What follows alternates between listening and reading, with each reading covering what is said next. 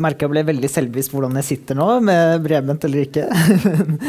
Velkommen hit i dag til Helt ærlig, hvor vi tar tempen på samfunnsaktuelle ting. Eh, som kanskje er litt vanskelig å snakke om, og rett og slett går litt eh, dypere inn i det. I dag så er jeg heldig og har besøk av Mitt navn er Philip Tort Nilsen. I dag har jeg besøk av Andreas Skjelde. Vil du presentere deg selv kort på 15 eh, sekunder? 15 sekunder? Ja.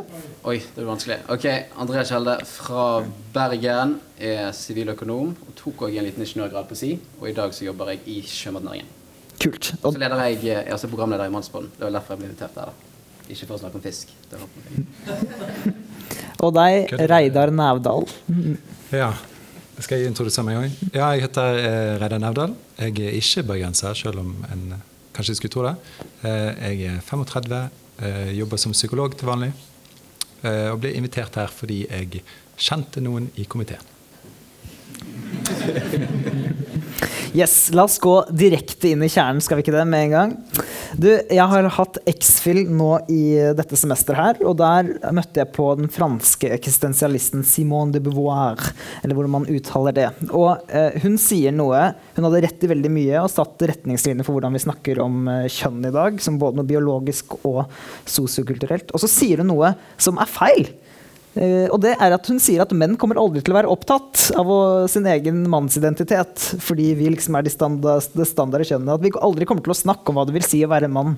Så sitter vi her 70 år senere, og hm, ja, hvorfor sitter vi her i dag? Hva er egentlig poenget med å snakke om en uh, autentisk mannsidentitet? kan vi begynne med deg som er programleder i Mannspodden.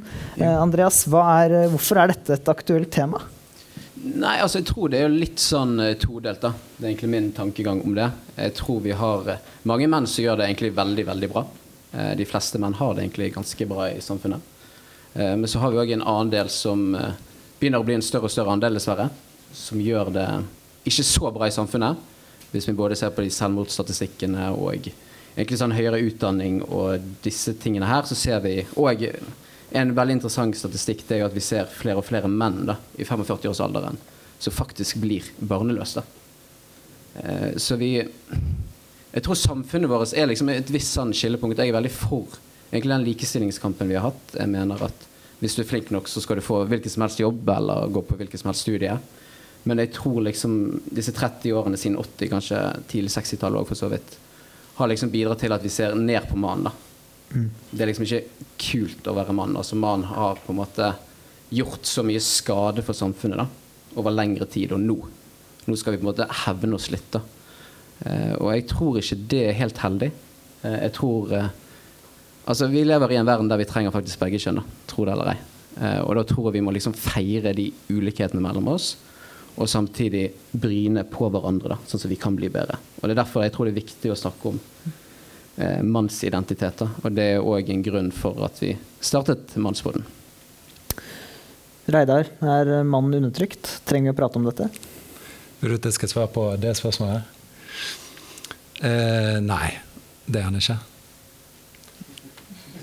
Men eh, jeg, kan, jeg, kan, svare på litt sånn i forhold til det du sier òg, at det er jo litt sånn ironisk. Eh, Simone de Beauvoir som sier så lenge siden så sa hun at eh, en av kjennetegnene ved at du trenger en kvinnekamp og ikke en mannskamp, det er akkurat det at, at uh, når vi snakker om mennesker, så snakker vi om menn. Mm. Uh, og så viste hun til det at Og det er derfor vi ikke trenger å snakke om menn som kjønn, på en måte. Fordi vi er, vi er prototypen menneske. Og så Nå sitter vi her sant, og skal snakke om det, men vi skal telle over publikum her. da. Hvor mange menn er det som er her? Det er jo litt eh, Noen menn bryr seg veldig mye om dette her, og jeg syns det er viktig. Jeg er helt enig i, i mye av det du sier, men eh, eh de, de, som bryr seg veldig mye, er òg ganske ekstreme. Og så er de syns jeg de virker litt villedet. Og i tillegg så eh, har de en tendens til veldig høyt om dette, sånn at det kanskje kan få et litt komplisert inntrykk av hvordan det faktisk er. da. Um, ja. Så det er det jeg håper vi får snakket om her i dag, egentlig. Mm. For du har jo hørt på podkasten som eh, Andreas eh, er programleder i. Eh, og hva er, hva er hensikten med denne podkasten, Mannspodden? Denne Mm. anbefaler vi alle å ta en lytt til hvis du er interessert i tematikken. Snikreklame, det var alltid bra. Ja. Du snakker om en autentisk mannsidentitet her. Mm. Hva legger du i det, eller hva er formålet deres? Ja. Altså, formålet er liksom sånn at uh, jeg var styreleder i Bergen Kristne Studentlag, og da jobbet jeg med Einar Helgaas, som er liksom mannsguiden. Og han Altså, jeg var liksom en Ja, jeg var, litt, jeg var 23 år da når jeg begynte der. Og, og, for min del så var det aldri sånn at mannsidentitet ble modellert, da.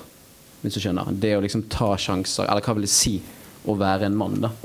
Eh, og da var det Einar som liksom rettledet meg litt. da. Han fikk meg til å ta sjanser, han fikk meg til og med til å spørre jenter ut. da som jeg ikke altså det, Vi kommer sikkert inn på det etter hvert. da. Men eh, de tingene der var egentlig ganske tøffe. da. Og jeg tror for mange menn så er det å finne liksom sånne folk som kan være mentor for deg, da.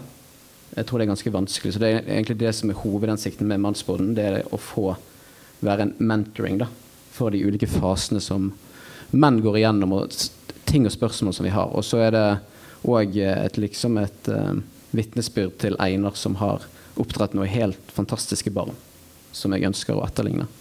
Um, så det, det, er litt de tingene der som gjorde at vi startet den podkasten. Og så I tillegg så er det òg knyttet til uh, altså Det er en lengre historie i første episode der, men òg at jeg hadde en kompis som uh, valgte liksom å ende livet sitt. da. Uh, jeg tror ikke jeg skal gå altfor mye inn i det, men i hovedsak så var det knyttet til at han ønsket å bli fotballspiller.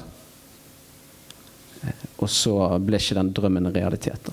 Og da ble det veldig meningsløst for han, og da så han ingen annen utvei. Og så, og så er det selvfølgelig viktig å påpeke at uh, dette gjelder for alle mennesker òg, selvfølgelig. Alle mennesker har drømmer. Det er ikke sånn at kvinner er liksom veldig forskjellige fra menn. Vi er mer like enn vi er ulike. Det er viktig for meg å understreke. Uh, gjennom denne her podkasten òg. Men jeg snakker for en mann, da, så jeg håper at uh, mange av de tingene jeg snakker om, er ting som òg kvinner kan kjenne på. Da. Mm. For du er en mann, vil si det nå? Jeg eh, vil si at jeg er en mann, ja. Mm. Hvorfor det? Hvordan kan du vite det? Jeg tror, ja, altså jeg tror, jeg tror forskjell på en mann og en gutt uh, En gutt tar ikke ansvar, en mann tar ansvar. Mm. Ja, jeg, jeg syns det er jo uh, jeg synes det, det, alt du sier, på en måte er veldig fint. Og så er det veldig fint at jeg er veldig enig i at det gjelder alle mennesker. Eh, jeg bare syns det er synd at vi skal definere ansvar som maskulint.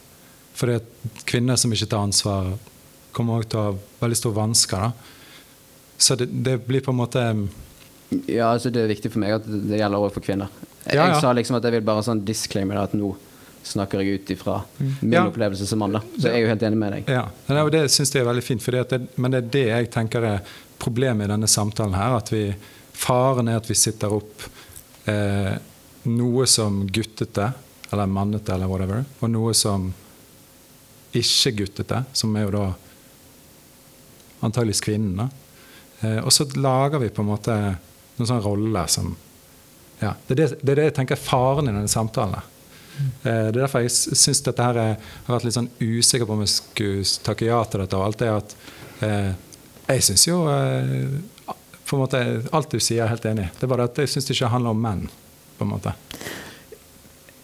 Ja, eh, altså selvfølgelig. Men altså, jeg kan jo ikke uttrykke meg for kvinners del, på en måte, for jeg kjenner jo ikke deres opplevelse. på en måte, Så jeg tror jeg tror jeg er litt sånn uenig med du sier at uh, vi skal fokus på Jeg vet ikke om det er direkte til mannspodden. Hvorfor trenger vi en mannspodden, Nå vet jeg at du holder på å lage en kvinnepod, så da får vi vel likestilling på de navnene iallfall. Uh, men jeg tror det er viktig at uh, de ulike kjønnene får snakke om ting som påvirker de. Ja, jeg er helt enig. Ja. Eh, og det eneste jeg snakker om, er faren i denne samtalen. Så jeg er ikke uenig med deg for så vidt i det du sier. Mm. Hvis vi henter denne tråden fra hvordan vi snakker om det, til faktisk tematikk, hva legger du i maskulinitet? Er, hva betyr det å være mandig for deg, da? Hvis du mener der vi må balansere ja. mellom. Men hvis, man, hvis vi retter oss direkte inn mot det. Hva legger du i det? Um, ja, det går an å svare på ganske mange forskjellige måter. Jeg kan, kan på en måte svare fra det ut, ut ifra et samfunnsperspektiv. Sånn, hva samfunnet mener er maskulint, eller Så kan jeg svare ut ifra personlig hva jeg mener maskulint, eller så kan jeg svare hvordan jeg håper alle menn burde leve, f.eks., eller noe sånt. Men eh, rent sånn samfunnsmessig så Måten jeg forstår maskulinitet på, er at maskulinitet eh, er veldig Jeg har prøvd å finne en definisjon på det, faktisk. Du finner det ikke. Det er en sånn sirkulær definisjon som er Maskulinitet er alle stereotypiske atferd, tanker og handlinger som eh, er stereotypiske mannete. Hva er mannete? Ja, det er maskulinitet. Og så går det en sånn fin sirkel. Sånn.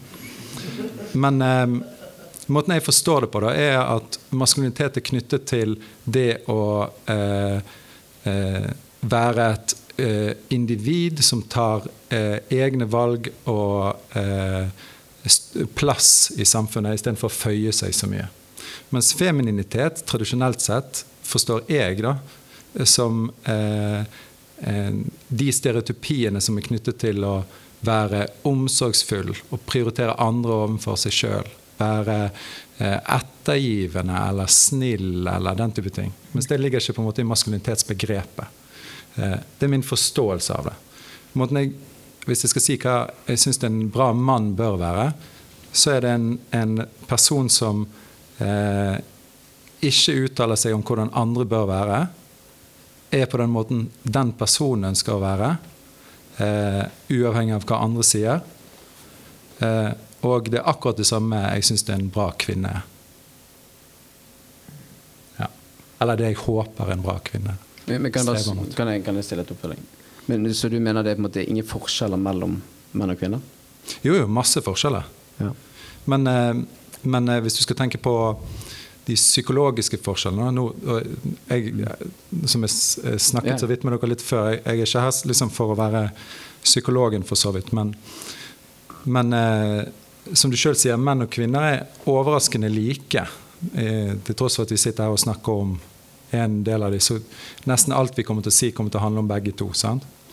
Mm. Um, men ulikhetene ligger uh, sett, sett, at vi legger til grunn at menn og kvinner er ulike fra fødsel av. Da. Vi er født fullstendig ulike. Det er veldig vanskelig å vite dette her, pga. at alle vokser opp i et miljø.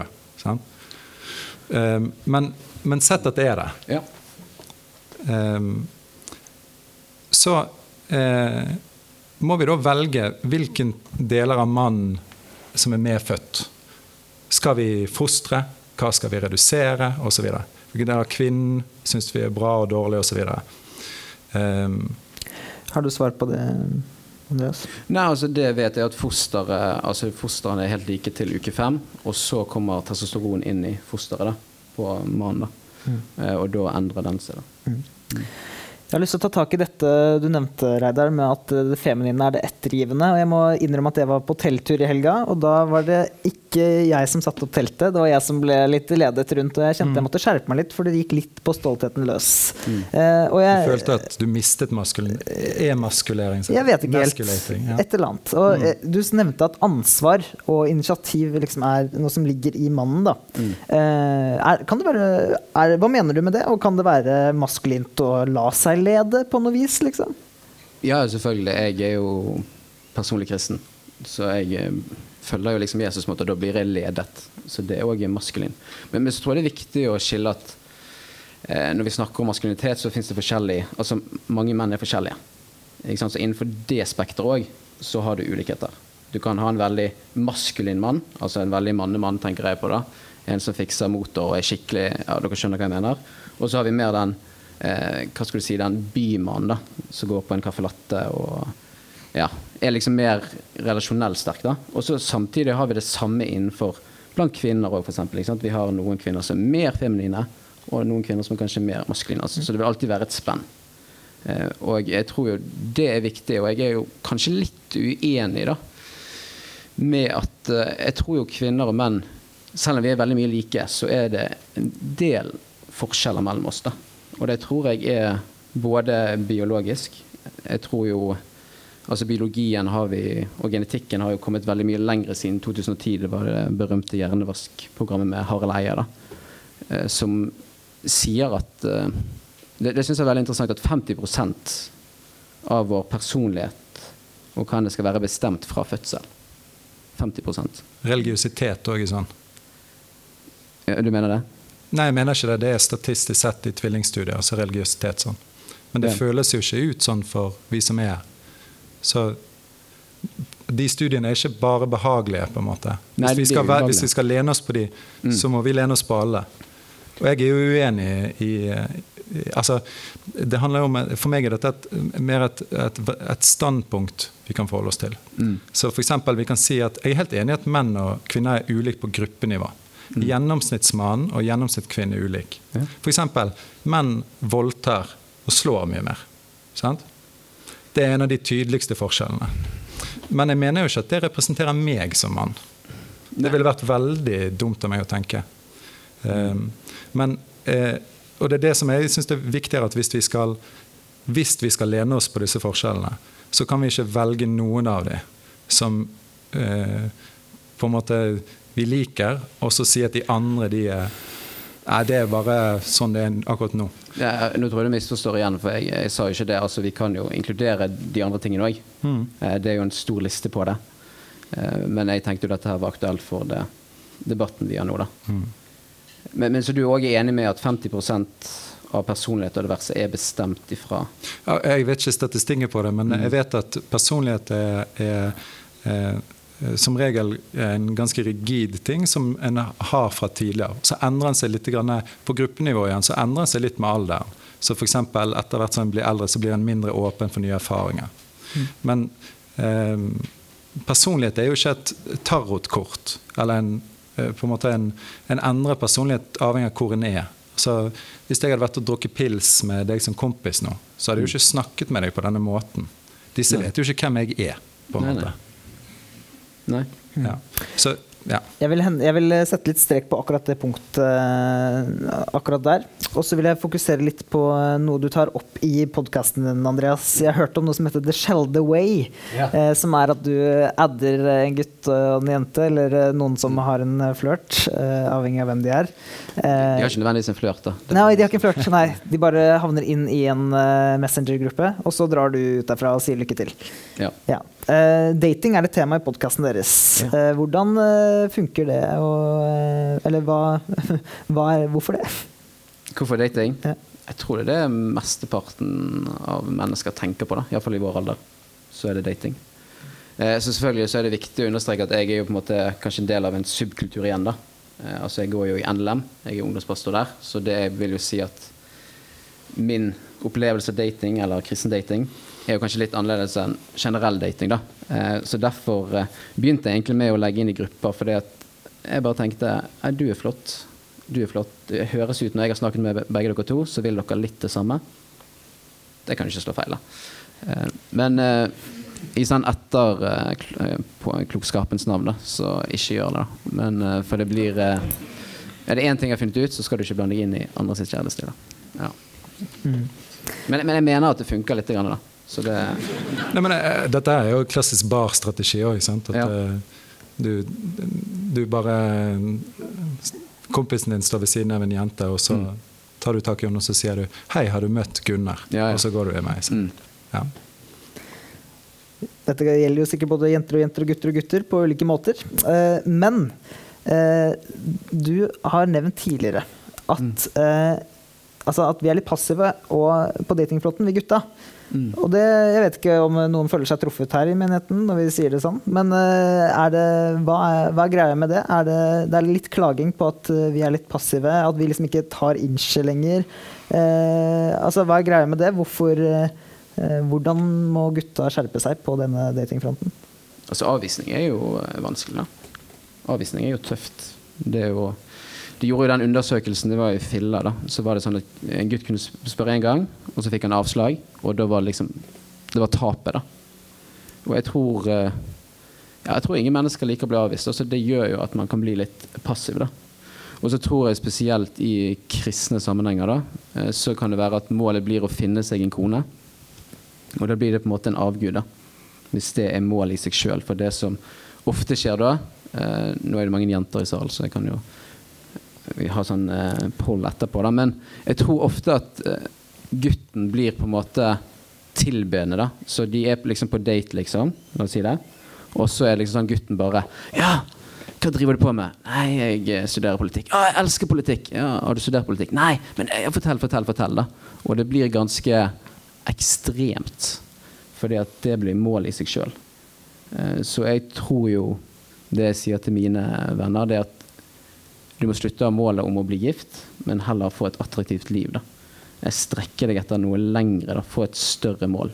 og for min del er jo det på en måte evigheten og det å være en god mann som følger eh, han som døde på korset. Mm. Og jeg, jeg, tror, jeg, tror, det er det som vil forandre egentlig fokuset, da, for da, blir du, da vil du si nei når du skal si nei, og du vil òg ikke feste din identitet da, i den andre parten. Mm. Du snakker om dette nederlaget, at vi mm. takler det dårlig. Ja, det gjør vi. Ja. Hvordan, ja, hva er løsningen på det? Nederlaget? Nei, altså Nederlag er jo bare en del av livet, da. Altså det Jeg kan liksom ikke si at du kan ta en pille, og så blir du lykkelig. Mm. Det er jo sikkert derfor mange òg tenderer i samfunnet mot å gå til alkohol, f.eks. For, eksempel, da. for da kan man få en, denne rusen. da Man slipper liksom det nederlaget. Men altså nederlag er en del av livet. Det er, bare, det er bare sånn det er. Og jo fortere du lærer det, jo bedre. Jeg mener jo at eh, jeg har sagt det til pastoren min at alle gutter og kanskje jentene òg må på sånn selgerkurs. Mm. De må lære å bare takle avslag. Eh, fordi at uh, vi lever på en måte i den perfekte verden. da. Altså Norge. altså Vi er liksom privilegerte. Vi er på toppen av alle ting. Og vi må bare innse at faktisk, selv om alt er topp, så er livet kjipt, det òg. Mm. For livet er av og til tilfeldig, og ting skjer. Mm. Så våg å ta risikoer både på dating og generelt. Er det rådet? Ja, jeg, jeg, mener du må ta så mye risiko som overhodet mulig. Da. Mm. Det er faktisk mitt råd. da. Bare hopp ut i det. Ja, men uh, Vi kan le av det, og sånne ting, men jo fortere du gjør det, jo bedre blir du. da. Mm. Hvem vet hva du kan bli hvis du La oss si det, hvis du er 21 og du bare tar risiko. altså Du gønner på med om det er business eller hva enn det skal være. Når du er 28-29, du vil jo være, du vil jo skille deg ut. Og jeg vet ikke, er det mange som skal Nei, nå begynner jeg å bable her, så nå må du bare kutte hvis det men jeg var på sånn eh, jobbintervju da eh, Når vi var ferdig på NHH, så er det liksom sånn OK, da er det jobbintervju. Jeg vet ikke om det er noen som skal på jobbintervju. Nei? Nei, det går fint. Du som hører, hvis du skal på jobbintervju, så hør dette. Altså I hovedsak, da jeg gikk på 40 jobbintervju og fikk avslag på 36 Og det å være på jobbintervju det er liksom det verste du kan være, for da er det tre stykker som evaluerer deg, og du prøver å være det beste. da. På de tre siste så kom jeg på andreplass. Og det jeg gjorde da istedenfor å liksom bare sende CV-en og bare, okay, bare håpe på det beste, det var at jeg snakket med én person fra den bedriften. da. Så sa jeg kan jeg komme inn og høre liksom, hvordan det jobber. Og istedenfor at jeg hadde Og det kom etter de nederlagene. Eh, og det gjorde at når jeg kom liksom inn på jobbintervju, de to siste, det var liksom sånn hm, Du eier på en måte litt mer situasjonen, for du vet at ah, om jeg ikke får jobben, så går det helt fint. Du bare beveger deg videre. Mm. Og jeg tror det er på en måte en menneskelig egenskap vi bør egentlig ha både i undervisning og skole og de tingene. Ja, for Det er snakk om en eller annen slags selvhevdelse her. Det å faktisk stå, stå litt i, trygt i seg selv. da. Mm. Og Jeg har inntrykk både som mann selv og i kontakt med andre menn liksom, at det er litt vanskelig å gjøre noen ganger. Kanskje litt i frykt for Eh, for en good boy i møte med metoo ikke vite helt hvor man kan tråkke, hvor mye plass man kan ta. Eh, at det er litt vanskelig å manøvrere seg litt frem i sin egen rolle. rolle. Ja. Jeg vet ikke om det er noe som treffer? Nei, det treffer ikke meg spesielt godt. Mm. Men jeg, jeg, skjønner poenget, ja. Og jeg, jeg, syns det, det, du sier der, er veldig fint. Det eneste eh, Igjen, sett at vi sier at uh, um, her må menn bare takle avslag. Så det løser veldig lite. Det eneste vi gjør, er å si at hvis du prøver og du ikke takler avslag, så er du ikke en mann engang heller. Og Det er veldig problematisk. da. For det er grunn, altså Hvis du tenker på suicidstatistikken, f.eks., så er det klart at menn tar mer livet sitt. Men det er ikke hvilken som helst menn. Det er liksom ikke kuk som avgjør om du tar livet ditt. Sant? Det har med hvem du er som mann å gjøre. Så de som tar livet sitt av menn, det er jo da spesielt de som har vært i et forhold, og så blir det slutt. Og så har de lagt all verdien sin på det forholdet. Akkurat som du sier. sant? Men hvis vi da sitter her og sier at det er faktisk helt kritisk at du får barn, at du gifter deg, og du må tørre og du må tåle dette her, Så gønner de på tørr og tør og tør. Ah, fuck, klarte det. Og så blir de dumpet. Og så har de ingen arena der menn har sagt at det er helt greit å bli lei seg. Det er helt greit å ikke tåle det. Det er helt greit, liksom. Eh, det er det som er kritisk viktig her. Eh, og så en annen ting er at det, det, du har gjort her, sant? jeg er utrolig enig i akkurat det du sier der, men grunnen til at det funker bra for deg, er fordi at du har en, en annen historie du selger deg sjøl. Du, du, selger eh, til deg sjøl så selger du det at det er en høyere verdi i gevinsten her enn tapet. Men grunnen til at folk ikke tør, er ikke det at eh, på en måte de tenker at eh, at de, de, tar på en måte feil om avslag. Det, det er jo helt krit, altså det er krise å bli avvist. Det er jo noen som sier til deg 'Jeg syns ikke du er god nok for meg'. Det er kjempevondt. Liksom, sant? Det er ikke noe en bare bør tåle. Men det som er trikset, er at vi må snakke om hva er det som gjør det verdt det likevel. Sant? Så eh, F.eks. det at hvis du eh, ber noen ut på en date, og de avviser deg, så er det gode nyheter for deg å vite om, for du har ikke lyst til å være i et forhold med en som ikke liker deg. Sant? Det er jo kjempepositivt. Du slipper unna den awkward første daten som er jobbintervjuene alle hater. Sant? Eller eh, eh, det at hvis du har en jente som du spør på date, hun sier ja selv om hun ikke har lyst. Sant? Blir du aldri kjent med henne. Du vet ikke hvem hun egentlig er. Så du får aldri elsket noen. Du vil være litt isolert hele livet ditt. Sant? Og hvis hun er ettergivende og for feminin, hvis vi skal ta den på en måte negative siden av femininitet, mm. så vil det nettopp være det at det vil være et stort spenn mellom denne kvinnen og denne mannen fordi de tror sånn på at de må følge disse stereotypiene, at de aldri helt kan åpne seg for hverandre. Um, jeg skal ikke gå for, langt inn på podkasten din, sånn, men, men, en av de tingene som dere diskuterer i forbindelse med dating, som jeg syns er veldig det, For meg er det jo veldig interessant å høre om kristen dating, da, siden mm. jeg er ikke kristen sjøl. Mm. Um, men jeg er jo en mann, sant? så for meg virker det jo litt som at det ikke det blir jo fort litt som at det er kristenpodden, da, ikke mannepodden. For det er vi jo felles. Sant? Så det er på en måte kristendommen som styrer mange ting. Men en av de tingene dere snakker om, er f.eks. det at eh, et sted i Stavanger at det var en menighet som hadde en sånn utrolig god løsning at når en når en, en, mann spør en kvinne på date, så svarer de alltid ja på første gangen. Og Det er bygd en god kultur på. Og jeg synes jo Det er litt sånn absurd. Det, det motsatte av det vi lærer alle kvinner alle andre steder i hele livet. Stopp til min kropp. Nei betyr nei. Liksom, og Akkurat det samme bør menn òg uh, føle. Sant? At, at alle har agens og kontroll på sin egen uh, valg. og uh, Jeg syns det blir litt sånn mm. Ja, det blir veldig absurd for meg. da. Dette, og jeg tror at intensjonene deres er pur som snøen. Mm. Og jeg tror at uh, denne samtalen her er kjempegod. Jeg tror det er lurt å snakke om mannsrollen og sånn, men det er et eller annet med å begynne på bunn, på en måte. Og differensiere litt. Snakker vi om konstruktet menn? Altså rollen samfunnet gir oss? Hva med rollen eh, religionen du tilhører, gir deg? Hva med hud, nei, hva med på en måte rollen hudfargen din gir deg? Alle de tingene der er viktig å avklare hvis vi skal snakke om disse tingene. For hvis ikke så er det en fare for at noen sitter og hører det at Faen, menn de burde jo tørre de, men jeg turte ikke likevel. Det er ikke jeg, som jeg klarte ikke det engang. Og det er der det er viktig å møte mennene. Sant? Ja, altså jeg, jeg, er jo helt enig med mye av det du sier. Eh, jeg tror Det er viktig at vi, altså det er viktig å understreke at Mannsbonden startet som en en kristen podd for unge menn.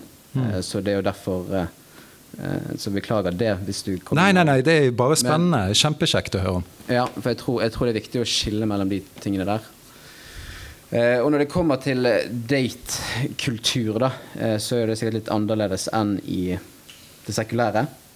Og, men jeg tror jo òg det er noe positivt med ja, altså, Når du er på en date, så er det bare å bli kjent. Eh, så jeg, jeg kjenner liksom ikke helt igjen i at du sier liksom sånn Ja, det er viktig å si nei hvis du ikke er interessert. For ofte er jo det, handler det om å bli kjent med mennesker. da. Og hvis, ja, jeg, hvis jeg, bare har et inntrykk av deg, så blir det liksom vanskelig eh, F.eks. For, for en jente, da. Så du har liksom lyst til bare å bli bedre kjent med.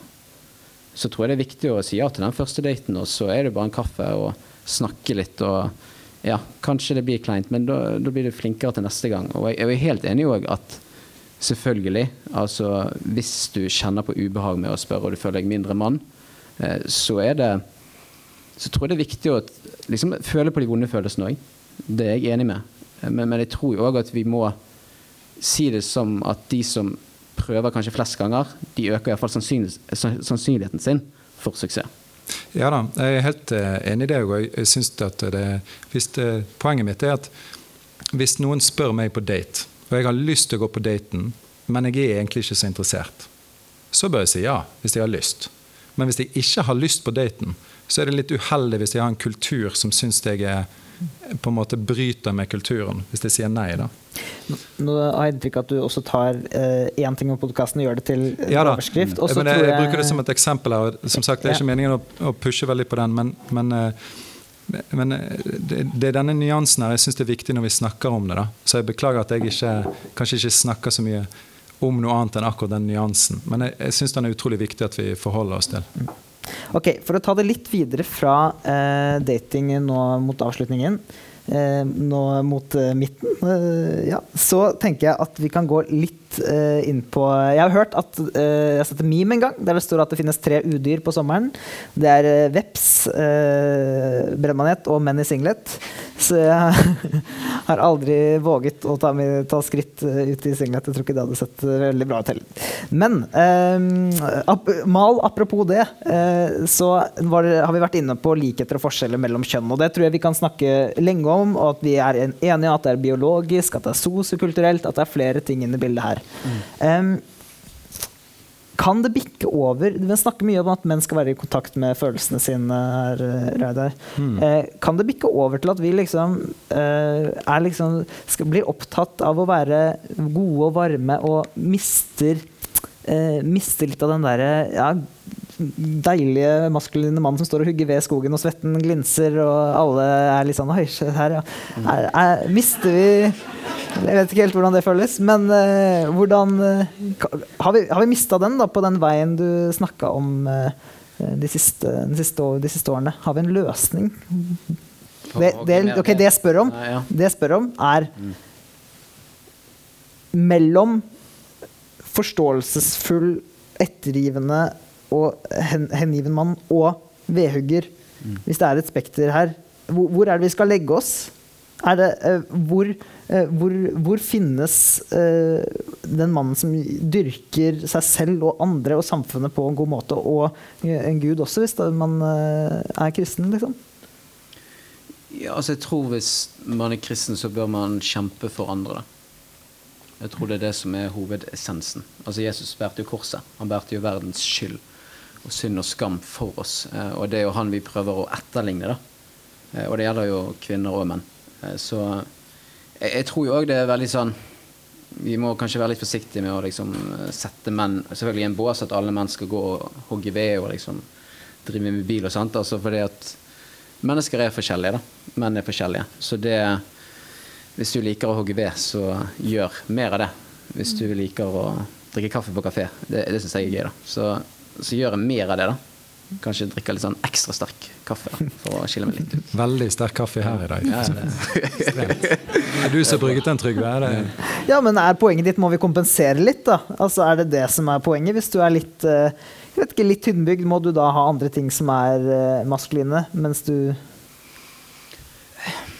Altså, det, det er gjort mange sånn interessante undersøkelser. Jeg tror det var en psykolog som heter Greener Jeg husker ikke helt det navnet, dobbeltsjekk det etterpå. Men han eh, hadde en sånn undersøkelse når det knyttet til sport eh, i sånn 37 land.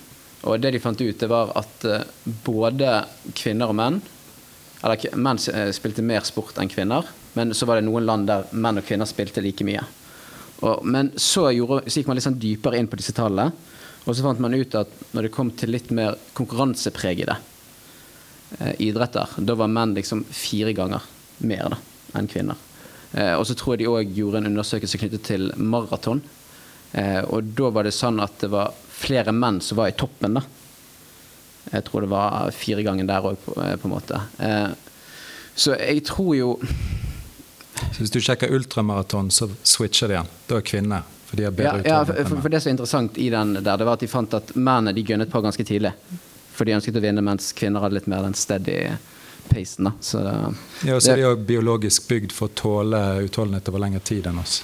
Så Ja, det- det, det er bedre på ultramaraton. ja, ja, det er ganske kult. Ja. Eh, men i hovedsak der så fant man da på konkurransesport at da var det flere menn. da. Så jeg tror jo Jeg tror greien med menn at vi liker konkurranse. da. Og det, det gjør kvinner òg. Eh, men jeg tror menn kanskje enda i større grad tenderer mot å like sport med der det blir en vinner. da. Så, så for å liksom svare på det, da, så tror jeg det handler om der du er som mann. Du må bare gjøre det beste det du har. da. Hvis du er liksom veldig god psykolog, så sikt på å liksom bli den beste Philip-psykologen.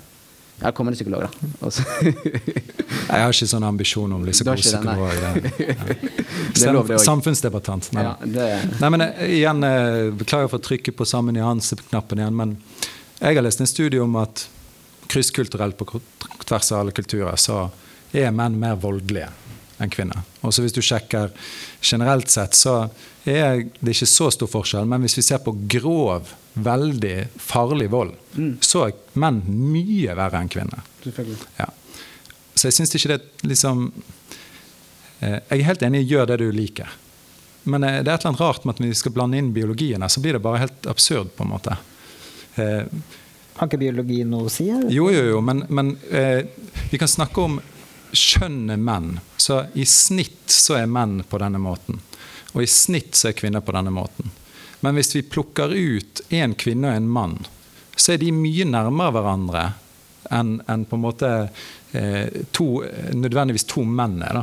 Dette, dette har vi nevnt allerede. Ja. Eh, jeg lurer på hva, hvor på dette mannsspektrumet er det man skal legge seg? Er, skal vi bare eh, hengi oss til relativisme og si alle gjør din greie? Er, skal vi ikke ha noen normer for hva en god er, er en god person en god person uansett? Har vi ikke Ja. noen attributter som Definitivt. En Ja. god person er en god person uansett. Så eh, Ville sett- du vært den samme som kvinne? Om jeg, hva personlighetsmessig, Ja. mener du? Ja, hvis hun er en bra kvinne, eller en bra menneske, så syns jeg det er helt greit, ja. Eh, Men det er jo en På engelsk så har du det ordet 'emasculate'. Du, du opplevde det når, når eh, du eh, mistet på Du følte en eller annen eh, tap når noen andre tok ansvar. sant? Um, det fins ikke noe effeminate eller effeminate. Det går ikke an å tape femininitet. Og Grunnen til at det er sånn, det er på grunn av at det er så utrolig trange krav til hva en mann skal være. Og Hvis vi skal sitte her og si hvordan en mann bør være på dette spekteret, så gjør vi det bare trangere. Og Det er det som er faren. Um, en av de tingene som ofte blir satt opp i- denne sammenhengen, her, det er at eh, på en måte Det var så godt når menn var menn, men så plutselig skulle vi være snill. Altså det er to motpoler på en eller annen måte. Snill er man fordi man er et godt menneske, ikke fordi man er mann. Det er noe man velger ut ifra hvem man er, uavhengig av kjønn. Eh, Det er på en måte ansvar. Ja, det på en måte faller inn under tradisjonell maskulin verdi. Men jeg liker jo kvinner som tar ansvar veldig godt. da. Jeg orker ikke de greiene her. Kanskje vi deler litt på det, liksom? Supert, det. Så det er det jeg er redd jeg, jeg kan ikke si hvordan jeg eh, mener at menn bør være, annet enn at hver person bør vurdere sjøl hvordan de ønsker å opptre. Og uavhengig av hva de velger, så er de verken mindre eller mer mann på noen som helst måte. Det ville vært helt absurd hvis vi skulle Mener jeg, da. Ja. Det er et godt poeng. Samtidig som du da fornekter litt av uh, eksistens... Er, er det, eller det høres ut som du da bryter ned stereotypier helt i bunnen og sier at det, Nei, nei, nei, jeg mener stereotypiene er der. Jeg Ja. mener det er forskjell mellom mann og kvinne. Men jeg syns ikke det er retningslinjer på noen slags måte. Ja, Um, og, og um, takk. Jeg skulle bare ha det. Uh, vi nærmer, nå nærmer vi oss slutten. Uh, og ehm, jeg har lyst til å eh, ta, ta en liten eh, tenkepause, for nå har vi pratet uh, om mye forskjellig. Uh, så jeg skal summe litt, uh, jeg også. Um, skal vi se. Um, da jeg var tre år gammel, så hadde, og mamma spurte meg hva jeg hadde lyst til å bli, så svarte jeg at jeg hadde lyst til å bli kvinnelig prest med store pupper. nice. Den, Det hadde teori, i teorien vært mulig i dag, tror jeg. Men, eh, og man kan snakke om kjønn på mange forskjellige måter. Eh, men eh, det var litt før jeg skjønte at jeg, at jeg var en mann. Men Eller da var jeg en gutt. Nå er jeg, nå er jeg kanskje en mann. Ønskene dine har endret seg. Ja. Ambisjonene har endret seg underveis. Og jeg har lyst til å stille dere spørsmålet. Dere får litt tenketid. Men hva er, hvis dere skal stille et spørsmål til ja, la oss si unge, single menn som kaver litt rundt og er litt på jakt etter sin egen autentiske mannsidentitet i dag, da. Uh, hvor, uh, hvor, er det man begynner i de, disse små skrittene? Er det takle nederlag? Uh, begynne å gå på strikkeklubber for å utfordre sin egen sårbare maskulinitet? Hvor, hvor det, hvilken ende begynner vi, liksom? Vil du, vil du ha ett presist formulert spørsmål, eller kan jeg rante litt? Du kan rante litt. Ja, for da kan jeg svare ganske kjapt. Um, jeg ville, jeg ville, en måte å gjøre det på at jeg ville spurt eh, hva er du eh, ønsker? Hva det er det du vil? Eh, og så hadde de, Hvis de da hadde på en måte det naturlige alle folk gjør det, og det har ikke bare med kjønn å gjøre, men det har med alt Jeg som nordmann har enkelte tanker om hvordan jeg bør oppføre meg. Jeg som mann har enkelte tanker om hvordan jeg bør oppføre meg. Og jeg som tilhørende profesjonen min osv. Sosioøkonomisk lag, kultur, alt mulig styr. Um, og Hvis svaret på en måte driver og reflekterer det for mye, så har de gravd videre med ja, men hva er det som gjør at du ønsker det. Hvorfor er, hvorfor er det viktig for deg å prøve å finne ut om det var eh, noe de følte seg eh, formet for å gjøre. Og så prøvd å finne ut hva de, de, genuint hadde behov for og ønske om. Men en annen måte å, å spørre spørsmålet på, det er hva er det eh, med din oppvekst, dine rammer, din eh, eh, bakgrunn, tro eller kjønn eller rolle som påvirker valgene du tar. Og hvor mange av de valgene syns du er vonde? Så hvis jeg f.eks. hadde følt her at jeg måtte sitte med breie bein når jeg skulle snakke fordi jeg er en mann, da. men jeg egentlig foretrekker å sitte sånn som dette her Det hadde jeg syntes var dumt for den gutten. Det hadde jeg, jeg hadde skulle ønske han kunne brutt ut av det. Og at ingen gadd å kommentere det i det hele tatt. Mm. Care less, live more. Ja, Just live your life. Du er du, og du duger, som vi ser psykologvennene. Veldig mye brukt. Jeg så du, du har litt tid til å si uh... Ja, jeg mister litt tråden, jeg. Så du kan gjerne ja. stille du, eh, Hvis du skal gi et råd, mm. kort eller langt, til unge single gutter som finner litt eh, prøver å finne stien sin mm. i dag, mm. hva er, eh, hvor skal man begynne? Hmm, hvor skal man begynne? Jeg tror jeg ville bare kjørt på. Jeg tror jeg ville lagd en liste. Skriv ned de 20 tingene du har lyst til å gjøre. Og så kutter du 15 av de tingene. Og så prøver du de fem tingene der som kommer. Altså Livet er på en måte for kort. Vi kan dessverre ikke bli alt vi ønsker å bli. Livet har begrensninger. Eh, som, som, vi også sier, altså Biologien også setter begrensninger på 50% f.eks. Jeg, tror, eh, jeg tror det er noe vakkert og fint med at man har blitt gitt noen kort som man har. Så får man bare spille de på en best mulig måte. Så det, det vil jeg sagt. Mm. Takk. Da tenker jeg eh, det har vært en spennende dialog med dere to. Eh, vi har eh, utforsket litt mm. nye, ukjente vidder, eller farvann, eller hva man sier. Mm. Dybder, høyder. Ja. Og så vil jeg takke Redde. dere i publikum for at dere har vært her, og vært til stede, og lydtime. Takk til deg, Andreas Skjelde, og takk til deg, Reidar Nevdal. Og da går vi over på litt eh, spørsmål. Er det noen som må kanskje på toalettet først? Er det lov, eller er det Det er lov, ja. Ta en liten eh, pustepause hvis noen må Spennende nå hvis du sa 'det er ikke lov'. Ja. vi tar fem minutter pause. Vi gir dem en applaus først. Mm.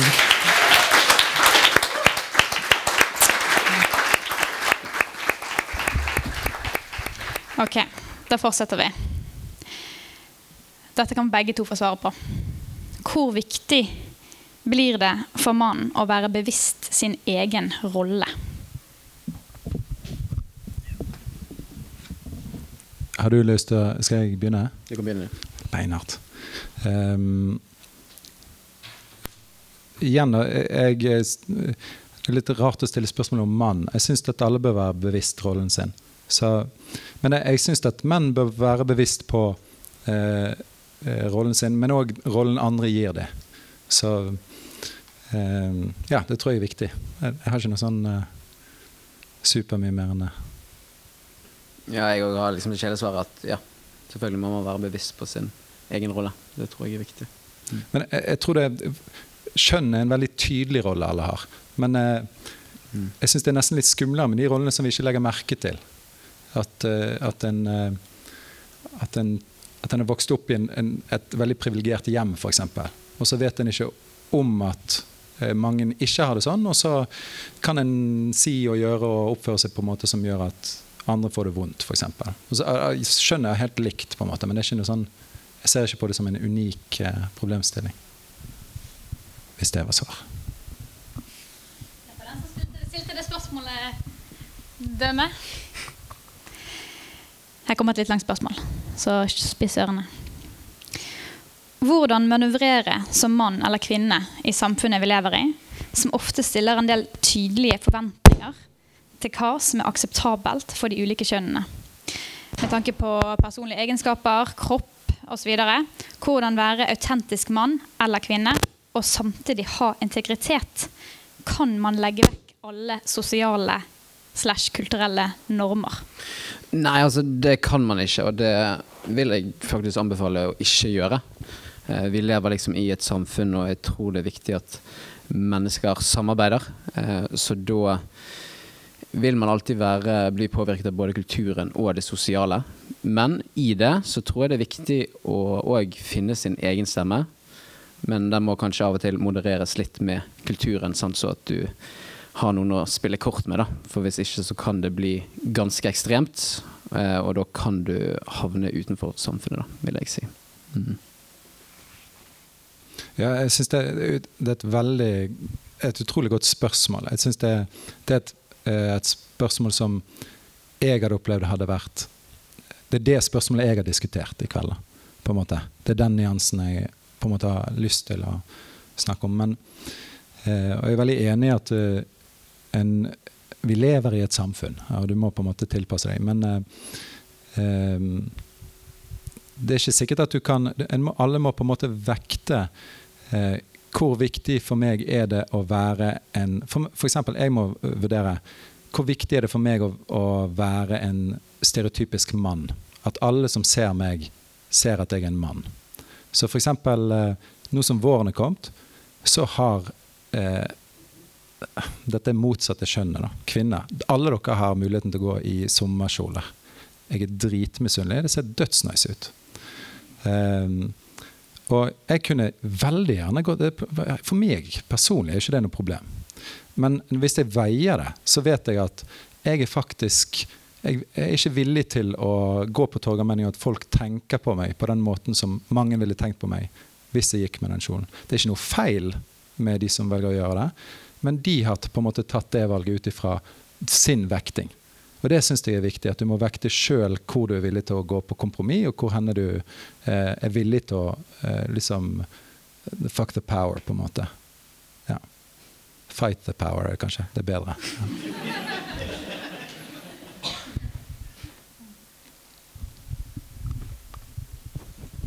Hvis du også har eh, kommentarer til disse spørsmålene, så tenker jeg at det gir uttrykk for det. Tror jeg har litt dårlig mikrofon. Jeg prøver det. Ok, hold på ørene. Skru på. Hallo. Mandig skulle kunne sånn teknikk. Ja. Nei, eh, veldig bra. Eh, Jeg lurer på en ting, men det kan vi ta nå. Eh, toxic masculinity. Sånn der, når er det maskulinitet bikker over i å bli eh, litt eh, toxic, eller litt eh, Vet ikke. At du begynner å Kort svar på det. Ja. Um, vil du begynne? Ja, jeg vil bare tenke litt. Du kan kjøpe. Um, det kommer litt an på om igjen, hvis jeg skal svare hva jeg tenker, eller hva, om vi skal ta utgangspunkt i hva begrepet betyr. på en måte, Men um, jeg er jo for så vidt litt enig med begrepet. Da. Ok, så eh, Måten jeg forstår det på, er at eh, altså dette er jo et begrep som ble brukt av mannsaktivister på, på 80-tallet. og sånn så Litt liksom Mannepodden, egentlig, som prøvde å skape rom for menn. da. Eh, og eh, maskulinitet blir toxic når eh, rammen er så snever at en, eh, hvis en handler i tråd med det en får beskjed om at det er stereotypisk og viktig å gjøre fordi at en er mann, så går det ut over menn eller andre i samfunnet. Så hvis jeg f.eks. Eh, virkelig, virkelig brenner for å gå i sommerkjole, men så tør jeg ikke i det hele tatt, og jeg lider som følge av det, da er maskuliniteten giftig. Eller hvis eh, jeg sier 'store gutter griner ikke', og så er det noen som ikke tør å snakke om følelsene sine. Da går det utover menn. Og det er giftig maskulinitet. Og så går det òg utover samfunnet pga. at disse mennene får det veldig vondt og vanskelig og blir sinte og lei seg. og alt mulig sånn. Så det er min forståelse av begrepet. Mm.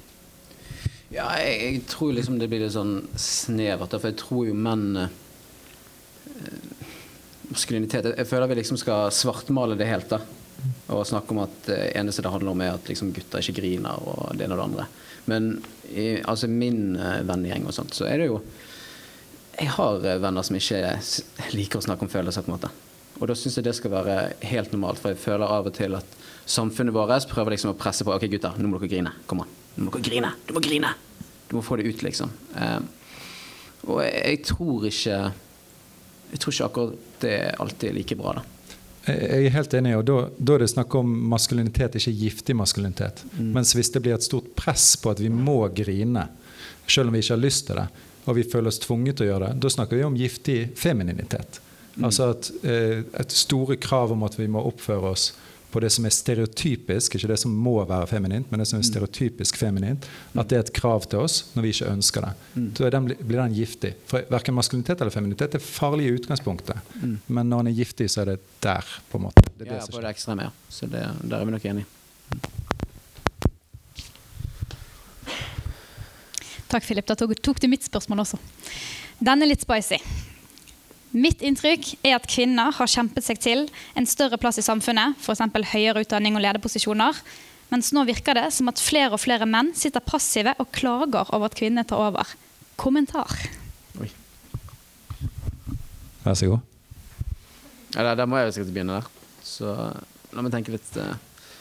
Ja, altså selvfølgelig Det er jo mye som har skjedd liksom, i løpet av de siste Siden 60-tallet, siden den der kvinnekampen begynte. og jeg jeg, jeg, har liksom ikke noen problemer med at hvis kvinner vil høyt opp, så kjør på. Eh, det jeg eh, stiller litt spørsmålstegn med, det er liksom sånn at Ja, men jeg tror, siden vi er mennesker, da, siden vi er like på mange måter, eh, skal man da la si sånn Ja, men du, du mann, du har liksom sittet på denne stillingen siden 60-70-tallet, så nå skal du bare lide. Nå skal du bare lide. Altså, nå skal vi komme og ta deg, og du skal bare bli trykket ned, på en måte. Eh, da kan jo du liksom stille litt sånn eh, Altså, der jeg jobber, da, eh, så tror jeg at eh, de mennene som er i de lederposisjonene, det er utrolig, utrolig kompetente menn. da. Altså, det er menn som jobber 16 timer dagen. Eh, og de har Altså, jeg tror store organisasjoner og bedrifter de belønner folk som er flinke, da, tror jeg. Og det er uavhengig om du er mann eller kvinne. Hvis du er kvinne og jobber like hardt som det, så har jeg ingen problemer med det. Men det jeg tror blir problemet, blir hvis man begynner å si sånn Ja, men du, disse spillereglene her eh, kan ikke gjelde for kvinner, f.eks. At de skal kvoteres inn. Det er jeg egentlig en litt motstander av. da. Jeg mener Hvis du er flink nok, så får du stillingen. da. Så jeg mener mennesket må likestilles. Det er det min mening er. da. Ja. Jeg um, um, Hva var spørsmålet som om uh, Mennene sitter på en måte nå er litt frustrert over at kvinnene har fått kjempet opp litt plass. sant? Mm. Ja. Um, ja, det er jo veldig mye spennende statistikk på dette. her, sant? Statistisk sentralbyrå har en egen rapport på likestilling i Norge. Um, og Så går det an f.eks. å si at nå er det flere kvinner i høyere utdanning enn menn. Mm. Men uh, det kommer jo an på hva statistikk du ser på. Så det er flere kvinner i en treårig høyere utdanning enn menn. Men det er flere menn som tar en fire år eller lengre utdannelse fremdeles. Eller hvis vi ser på jobber, da, så er det eh, fremdeles flere mannlige ordførere enn kvinnelige ordførere. I det offentlige så nærmer det seg, liksom. Eh, I lederstillinger og sånn som det. Eh, kvinner har lavere lønn. Eh, I det private så er det en sinnssyk forskjell på leder. eh. Så med en gang du går til eh, utenfor det offentlige, utenfor helsevesenet, så er kvinner nede på sånn 2-8% av de ledere er kvinner, f.eks. Um, jeg er ikke sånn direkte uenig i at jobber bør gi ut ifra kompetanse, men jeg tror det er en verdi i at en har både kvinner og menn i eh, lederstillinger uavhengig av det til en viss grad i enkelte stillinger. Så f.eks. hvis du er pilot da, og du ikke kan fly, så syns jeg ikke at du skal kvoteres inn pga. at du har et visst kjønn eller ikke. Men ganske mange stillinger er ikke sånn. Um, Hva tenker du på da? Nei, f.eks. min jobb som psykolog. da. Mm. Jeg er jo veldig for at, eh, at menn skal kvoteres inn, for at det er like mange menn og kvinner. Det snakket vi så vidt om. Mm. sant? Så der tror jeg det er lurt at det er likekjønnet. Eh, og jeg, jeg tror det er lurt at f.eks. i, i eh, aksjeselskaper, da, der du har en utrolig lav andel kvinnelige ledere, så er det klart at du må ha kompetanse på eh, aksjeforvaltning. Men den eh, jobben da, den påvirker helt sinnssykt mye. Og da er det veldig lurt samfunnsmessig å ha flere perspektiver der inne. Og det, grunnen til at det er viktig, er nettopp det vi snakket om tidligere, at folk greier ikke å leve uavhengig av rollen de får. Det, det er veldig vanskelig å være bevisst på dette og, og bryte ut av det. Så enten du vil det eller ikke, så blir du påvirket, selv om du prøver så godt du kan. Og det er gratis å få inn en kvinne som kan kanskje ha andre perspektiver. Um, Men bare for å sånn logisk sett, mener du vi også skal kvotere inn på rørleggere, snekkere og sånne yrker òg? For, for jeg føler liksom hver eneste gang vi snakker om dette her, så er det alltid sånn Ja, vi må snakke om aksjeselskaper, vi må snakke om det ene og det andre. Men, men da må vi òg liksom snakke om de andre yrkene òg, for man kan liksom ikke si én ting. At OK, vi vil ha flere toppledere inn i aksjeselskap. Ja, og jeg tror jo faktisk at det kommer til å komme flere kvinner inn i aksjeselskap, og det gjør det allerede i min jobb. Og det er òg dyktige kvinner som òg jobber dritthardt og like hardt som menn. Eh, så Ja, nei, altså- jeg, er- jeg er enig med deg, men jeg kan svare på det du sier om, om jobb. og sånn som det. Ehm, I de jobbene der kjønn ikke har noe betydning, så tror jeg ikke det er nødvendig med noe kvittering. Så hvis en kvinne har lyst til å være rørlegger, en mann har lyst til å være rørlegger, så trenger vi ikke tenke så mye på det. Hvis det er snakk om å lede en bedrift som har kvinnelige og mannlige ansatte, rørleggerbedrift f.eks., så tror jeg det er lurt å tenke på hvem en ansetter. Men eh, det, det vil være helt avhengig av om vi tror at rollen har betydning. Akkurat samme som vi kan ha lurt i at hvis vi har en del innvandrere i Norge, så kan vi ha lurt at eh, de òg er representert der som valgene tas. Men det vil ikke si at vi vil ha de like mange av de som gjør på en måte norskopplæringen nødvendigvis. sant? For det, det, altså, Skjønn og identitet har en, en kompetanseverdi. Det er det som er poenget. Ikke at må, alt må være likt. Mm. Men det, det er viktig å anse det, anse det som en egen kompetanse. Det er måten jeg tenker på det. Ja, ja det, er, det er jeg helt enig med. Og jeg tenker liksom sånn at hvis du er flink nok, så skal du få den jobben du har krav på. Men jeg tror vi må òg huske på at disse topplederne som er i disse stillingene, det er veldig, veldig kompetente mennesker da, som er villige til å jobbe 16-17 timer dagen. Og har sikkert gjort det siden de er 20 år. Eh, Så plutselig si sånn Ja, du, vet du hva, du har jobbet dritthardt, men du kan ikke få denne jobben pga. kjønnet ditt. Det er da jeg tenker, da begynner det å bli litt sånn skummelt. og jeg tenker jo, jeg er jo økonom selvfølgelig også, da, så jeg tenker sånn økonomisk sett så tror jeg ikke det er bra at det offentlige plutselig skal begynne å gå inn og ansette mange folk som skal passe på at de private må ha inn kvinner, eller hvem det skal være. da. Men hvis du er flink nok, så er det selvfølgelig muligheter. Ja. Nei, jeg skal bare si kjapt til deg. Altså, jeg er ikke uenig i det du sier. der. Jeg bare sier at eh, som eh, mann så har du òg en kompetanse fra rollen din. Som kvinne så har du en kompetanse fra rollen din. Og da går det an å tenke på den kompetansen som er at Hei, dere to er like, skårer likt på testen vi ga deg, f.eks. Men du har òg en erfaring som vi setter pris på. Og den har vi behov for hos oss. Vi har nesten ingen andre som har den. Og den kompetansen, det er bare det jeg snakker om. Jeg sier ikke at vi skal gjøre det for at på en måte bekostning av noe. Det, jeg tror det vi vinner på det, er poenget. Oppfø- oppfølgingsspørsmål til akkurat dette her med lederposisjoner og sånt, og jobb. Stoler ikke menn mer på menn? Så hvis det allerede er flere menn i lederstillinger, vil ikke de da rekruttere andre menn fremfor kompetanse? Ja, altså hvis du ser på både rørleggere og snekkere, så vil jo man trekke den slutningen der. Eh, så tror jeg òg at man ser en, en faktisk økning egentlig både på HR-siden. På de som ansetter, så pleier det som regel å være flere kvinner som står bak ansettelsesprosessen. da. Um, Iallfall i de store foretakene. Um, men, men, det er jo ingen hemmelighet at uh, menn liker å henge med menn, og kvinner liker å henge med kvinner. Så det er jo sikkert en faktor som vil spille inn. Um, ja um, Spørsmålet er stemmer det ikke at menn vil kanskje mm. Ja, uh, det gjelder ikke bare kjønn, men en ansetter på de studiene jeg kjenner til, og dette her er uh, kan godt hende det er feil, nå bare er det jeg som syns her. Men en pleier å ansette eller ta inn folk som er like en sjøl. Og kjønnet ganske likt. da. Men det vil også si at hvis jeg har møter en dame som har ganske lik personlighet som meg, så vil jeg kanskje like hun godt og, prioritere hun. Så det er ikke nødvendigvis skjønnet. Um, ja. Men jeg liker jo best å henge med kvinner, da. Uh, ja, ja, så det er på en måte igjen uh, Ja, altså, det, det, det, er forskjeller, det er forskjeller selvfølgelig. Det fins alltid En tull, tulleting. Nei, men det er veldig gøy. Det er bra. Mm. Ja, da spør jeg. Er det noen spørsmål fra salen? Tør vi det?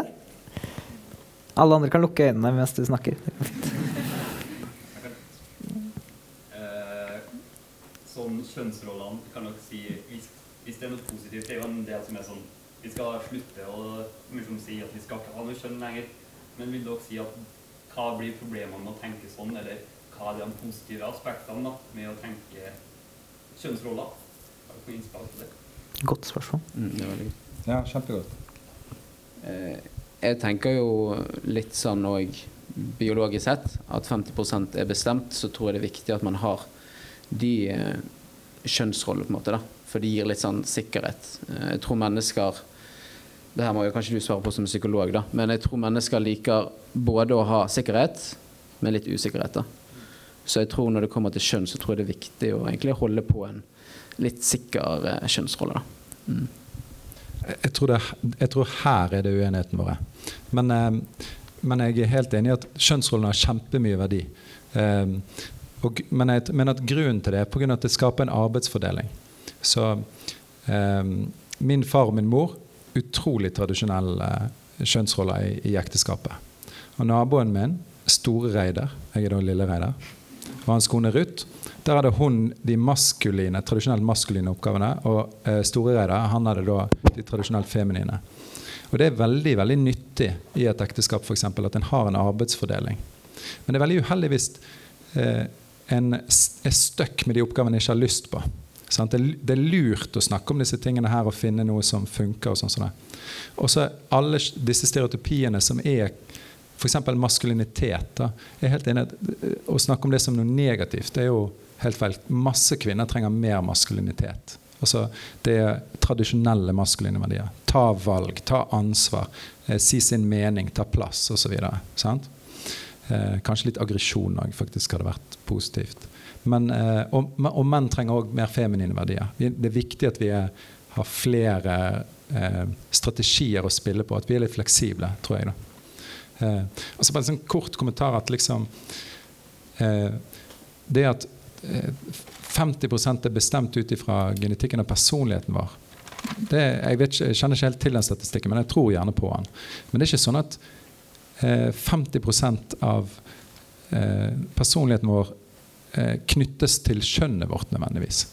Altså, Gjennomsnittet mann og gjennomsnittet kvinne er forskjellig, men det er mye større forskjell mellom enkeltmenn enn det er mellom snittet på mann og kvinne. Og det er ekstremt viktig å holde rett i hodet her, på en måte. Hjemme hos meg er det mamma, mamma som sager. Ja. Like, har faren din lyst til å sage? Hæ? Ikke i det hele tatt. Nei. Vet du hva jeg syns er så kleint? Det er at Faderen er en helt forferdelig kokk, men med en gang vi skal grille, så tror han at det er en god idé at han skal lage mørt kjøtt. Det er giftig maskulinitet.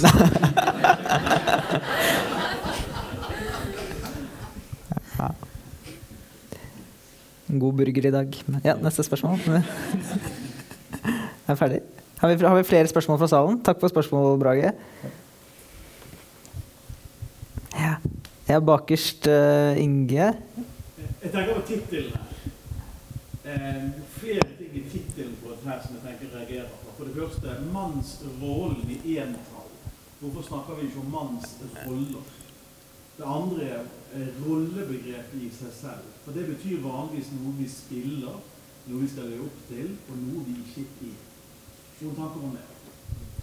Kan du ta plassen min? Ut fra flere mannsroller kan det kanskje det, men jeg har ikke kvalifikasjon fra psykolog. Nei, nei, men jeg, eller, ja, dette, Disse spørsmålene syns jeg er veldig viktig når vi skal snakke om dette. At disse tingene er snakket om først. Ja. Men jeg, jeg, har ikke, jeg er enig i at det, det, det hadde vært lurt. Jeg skal ta mellomrom neste gang. Jeg kan stille et spørsmål til. da. Andreas, Yes. kan det tenkes at det å jobbe 16 timers dag og ha det som lederideal er et veldig faglig ideal? Og det andre, kan det være at det idealet er definert av menn, og at det er derfor også man får mye menn i lederroller? Hvem har sagt at det å være god leder og jobbe 16 timers dag? Selvfølgelig er det menn som definerer eh, den, da. Eh, det vil jo alltid være en hvilken som helst kultur vil jo det være menneskene som er i den, som definerer den. Eh, vi ser eh, generelt at menn, blant menn generelt, så er det liksom sånn det blir sett opp på å ta høyere risiko, som f.eks. dødsing og de tingene der, når man er yngre. Så det er jo selvfølgelig en del av kulturen. Når det kommer til å jobbe 16 timer dagen, så Jeg vet ikke. altså Det vil jo selvfølgelig avhenge av uh, aksjekursen og resultatene til bedriftene. da. Men hvis du vil oppnå mm, store ting, tror jeg, da, så må du dedikere deg veldig til en sak. Uh, så jeg tror uh, det er liksom sånn bedrifter er bygget opp. Det, blir, det er kompetanse man ser på. Man ser ikke på nødvendigvis lederegenskapen. da. Men så vil jeg òg påpeke at de som er kompetente, de er veldig flinke ledere òg, som regel. Hvis jeg har svar på spørsmålet ditt. Nei, jeg spørre ingenting. Ja, jeg tror vi gjør det. Har du ikke ved definere dagen som 16 timer, så sier ikke du da at du kan ikke samtidig være forelder. Du kan ikke få barn hvis du har 16 timer på jobb. Hvilken måte definerer man da oppdraget til å bli et mannsoppdrag?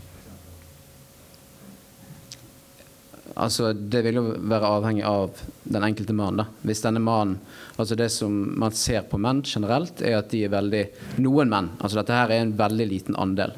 De fleste menn vi ønsker å bli gode familiefedre og ønsker å ha tid til barn og de tingene der. Men vi har en veldig eh, en liten gruppe som er ekstremt, ekstremt konkurranseinstinkt, som vil virkelig bare gønne på. Liksom. Altså Jobben er alt. Det er det de setter sin identitet til. Eh, Så på et samfunnsnivå så tror jeg ikke dette her er så veldig aktuelt å snakke om. Eh, Men det er jo ingen hemmelighet at både innenfor sporten sin verden, da, så er jo det òg at de beste blir jo belønnet med eh, ja, å komme inn på de beste fotballagene. Du kan jo spørre hvilken som helst mannlig fotballspiller og sikkert også kvinnelig fotballspiller at de har ofret 13-14 timer fra de var fem år. da. Altså De har bygget kompetanse gjennom disse årene for å bli flinke. Så jeg, jeg skjønner liksom ikke helt Skal vi plutselig si sånn Ja, men eh, Altså, det, det viser han at hvis du trener 10 000 timer og har genetikken for det, så vil du bli flink da, og ha viljestyrken. Og på samme måte kan man trekke den slutningen inn mot disse mennene som jobber 16 timer, som sikkert har en høy IQ bl.a. At hvis de jobber hardt, så vil de bli belønnet for det, for de vil ta ting raskere. Og tenker jeg da, det, det handler liksom om hva kamper du vil velge. Men som sagt, dette gjelder en veldig liten gruppe. Det er kanskje ja, ekstremt små grupper med menn. da. Men jeg tenker vi skal ikke ta fra dem de, eh, muligheten deres til å bli flinke i det. da. Men, men det som skjer, det er jo òg at på bekostning av dette her, så mister de f.eks. familie og det ene og det andre. da. Mm. Takk, Andreas. Jeg vil bare, vi har litt lite tid igjen, så vi har ett spørsmål til fra Øyvind. Hadde du spørsmål? Ja, Ja, siste, siste spørsmål. Resten får tas uh, utenfor. Eh, Jeg syns det er spennende med den incel-gruppen eh, som sier at eh, ja, vi får ikke Det er involuntary celibate, det er ufrivillig i sølibat. De mener at de får ikke damer fordi damer er ikke selektive. De velger kun menn som er liksom riktig feminin, men fremdeles litt maskulin og ikke sant, en pakka der. Eh, jeg lurer, det er litt spennende at det er flest kvinner her på et eh, helt ærlig og mannslig I i hvor stor grad har kvinner ansvar for å ikke skape en nyttig mannsrolle? Jeg tror det er viktig å understreke at den gruppen du snakker om, er en veldig liten gruppe. Eh, Så jeg, jeg tenker liksom Det er en ekstrem liten gruppe, så jeg tror ikke, jeg tror ikke noen trenger å ta ansvar Altså, vi må jo selvfølgelig ta ansvar for dem. Følge dem opp med både psykologitimer og det ene og det andre. Men de utgjør Ja, jeg tror det er maks 50 stykker, jeg. Kanskje. Men for å ikke ta det ekstreme, da. Ja. Mange gutter har lyst til å være en som jenter har lyst på. Selvfølgelig. Eh, Så i hvor stor grad har det jenter gjør noe å si på disse spørsmålene? Altså, jenter velger jo sin partner. Ja, eh, spennende spørsmål. Jeg, si, altså, jeg møter jo en del eh, gutter som eh, Jeg har hatt én som eh, ide- selvidentifisert som incel i, i terapi. Også, men jeg har møtt flere som eh, eh, sliter veldig her, i akkurat det rommet du snakker om nå. Eh, og eh, jeg tenker jo ikke at eh, kvinner på en måte, Dere har det skjønnet, da har dere ansvar for dette. Men samfunnet har absolutt et ansvar for det. Eh, og menn har et ansvar for det, kvinner har et ansvar for det. Men det er ikke fordi vi er menn eller kvinner.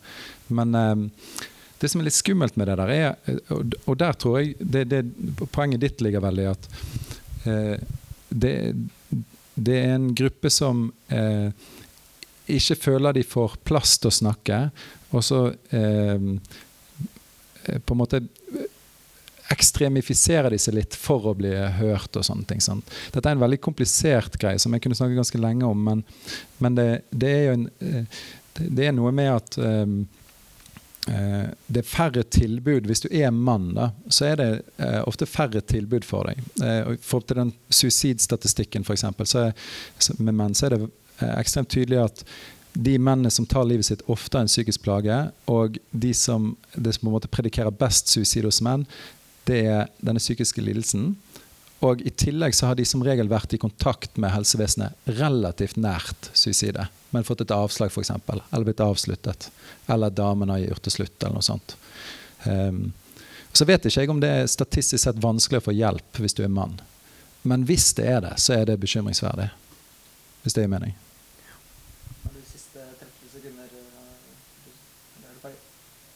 På, på dette spørsmålet her?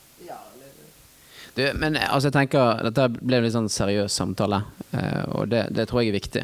For det er viktige ting. Men jeg tror i hovedsak så vil jeg bare si at eh, jeg har veldig troen på å ta ansvar. da. Og det gjelder for begge kjønn. Så jeg vil at du skal bare tenke over det når du kommer hjem i dag, eller hvem det skal være. Bare tenke på tar jeg ansvar her?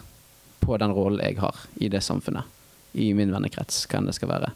Hva er det jeg virkelig brenner for? da? Der er vi enige. altså Finn ut hva er det du vil med ditt liv. da. Eh, For tro det eller ei, livet går raskere enn du tror. Eh, Man har liksom ikke tid til å ja, prøve alt mulig. Jeg tror det er viktig å velge en vei. da. Så det er litt sånn eh, mine siste litt diffuse ord. da. Mm.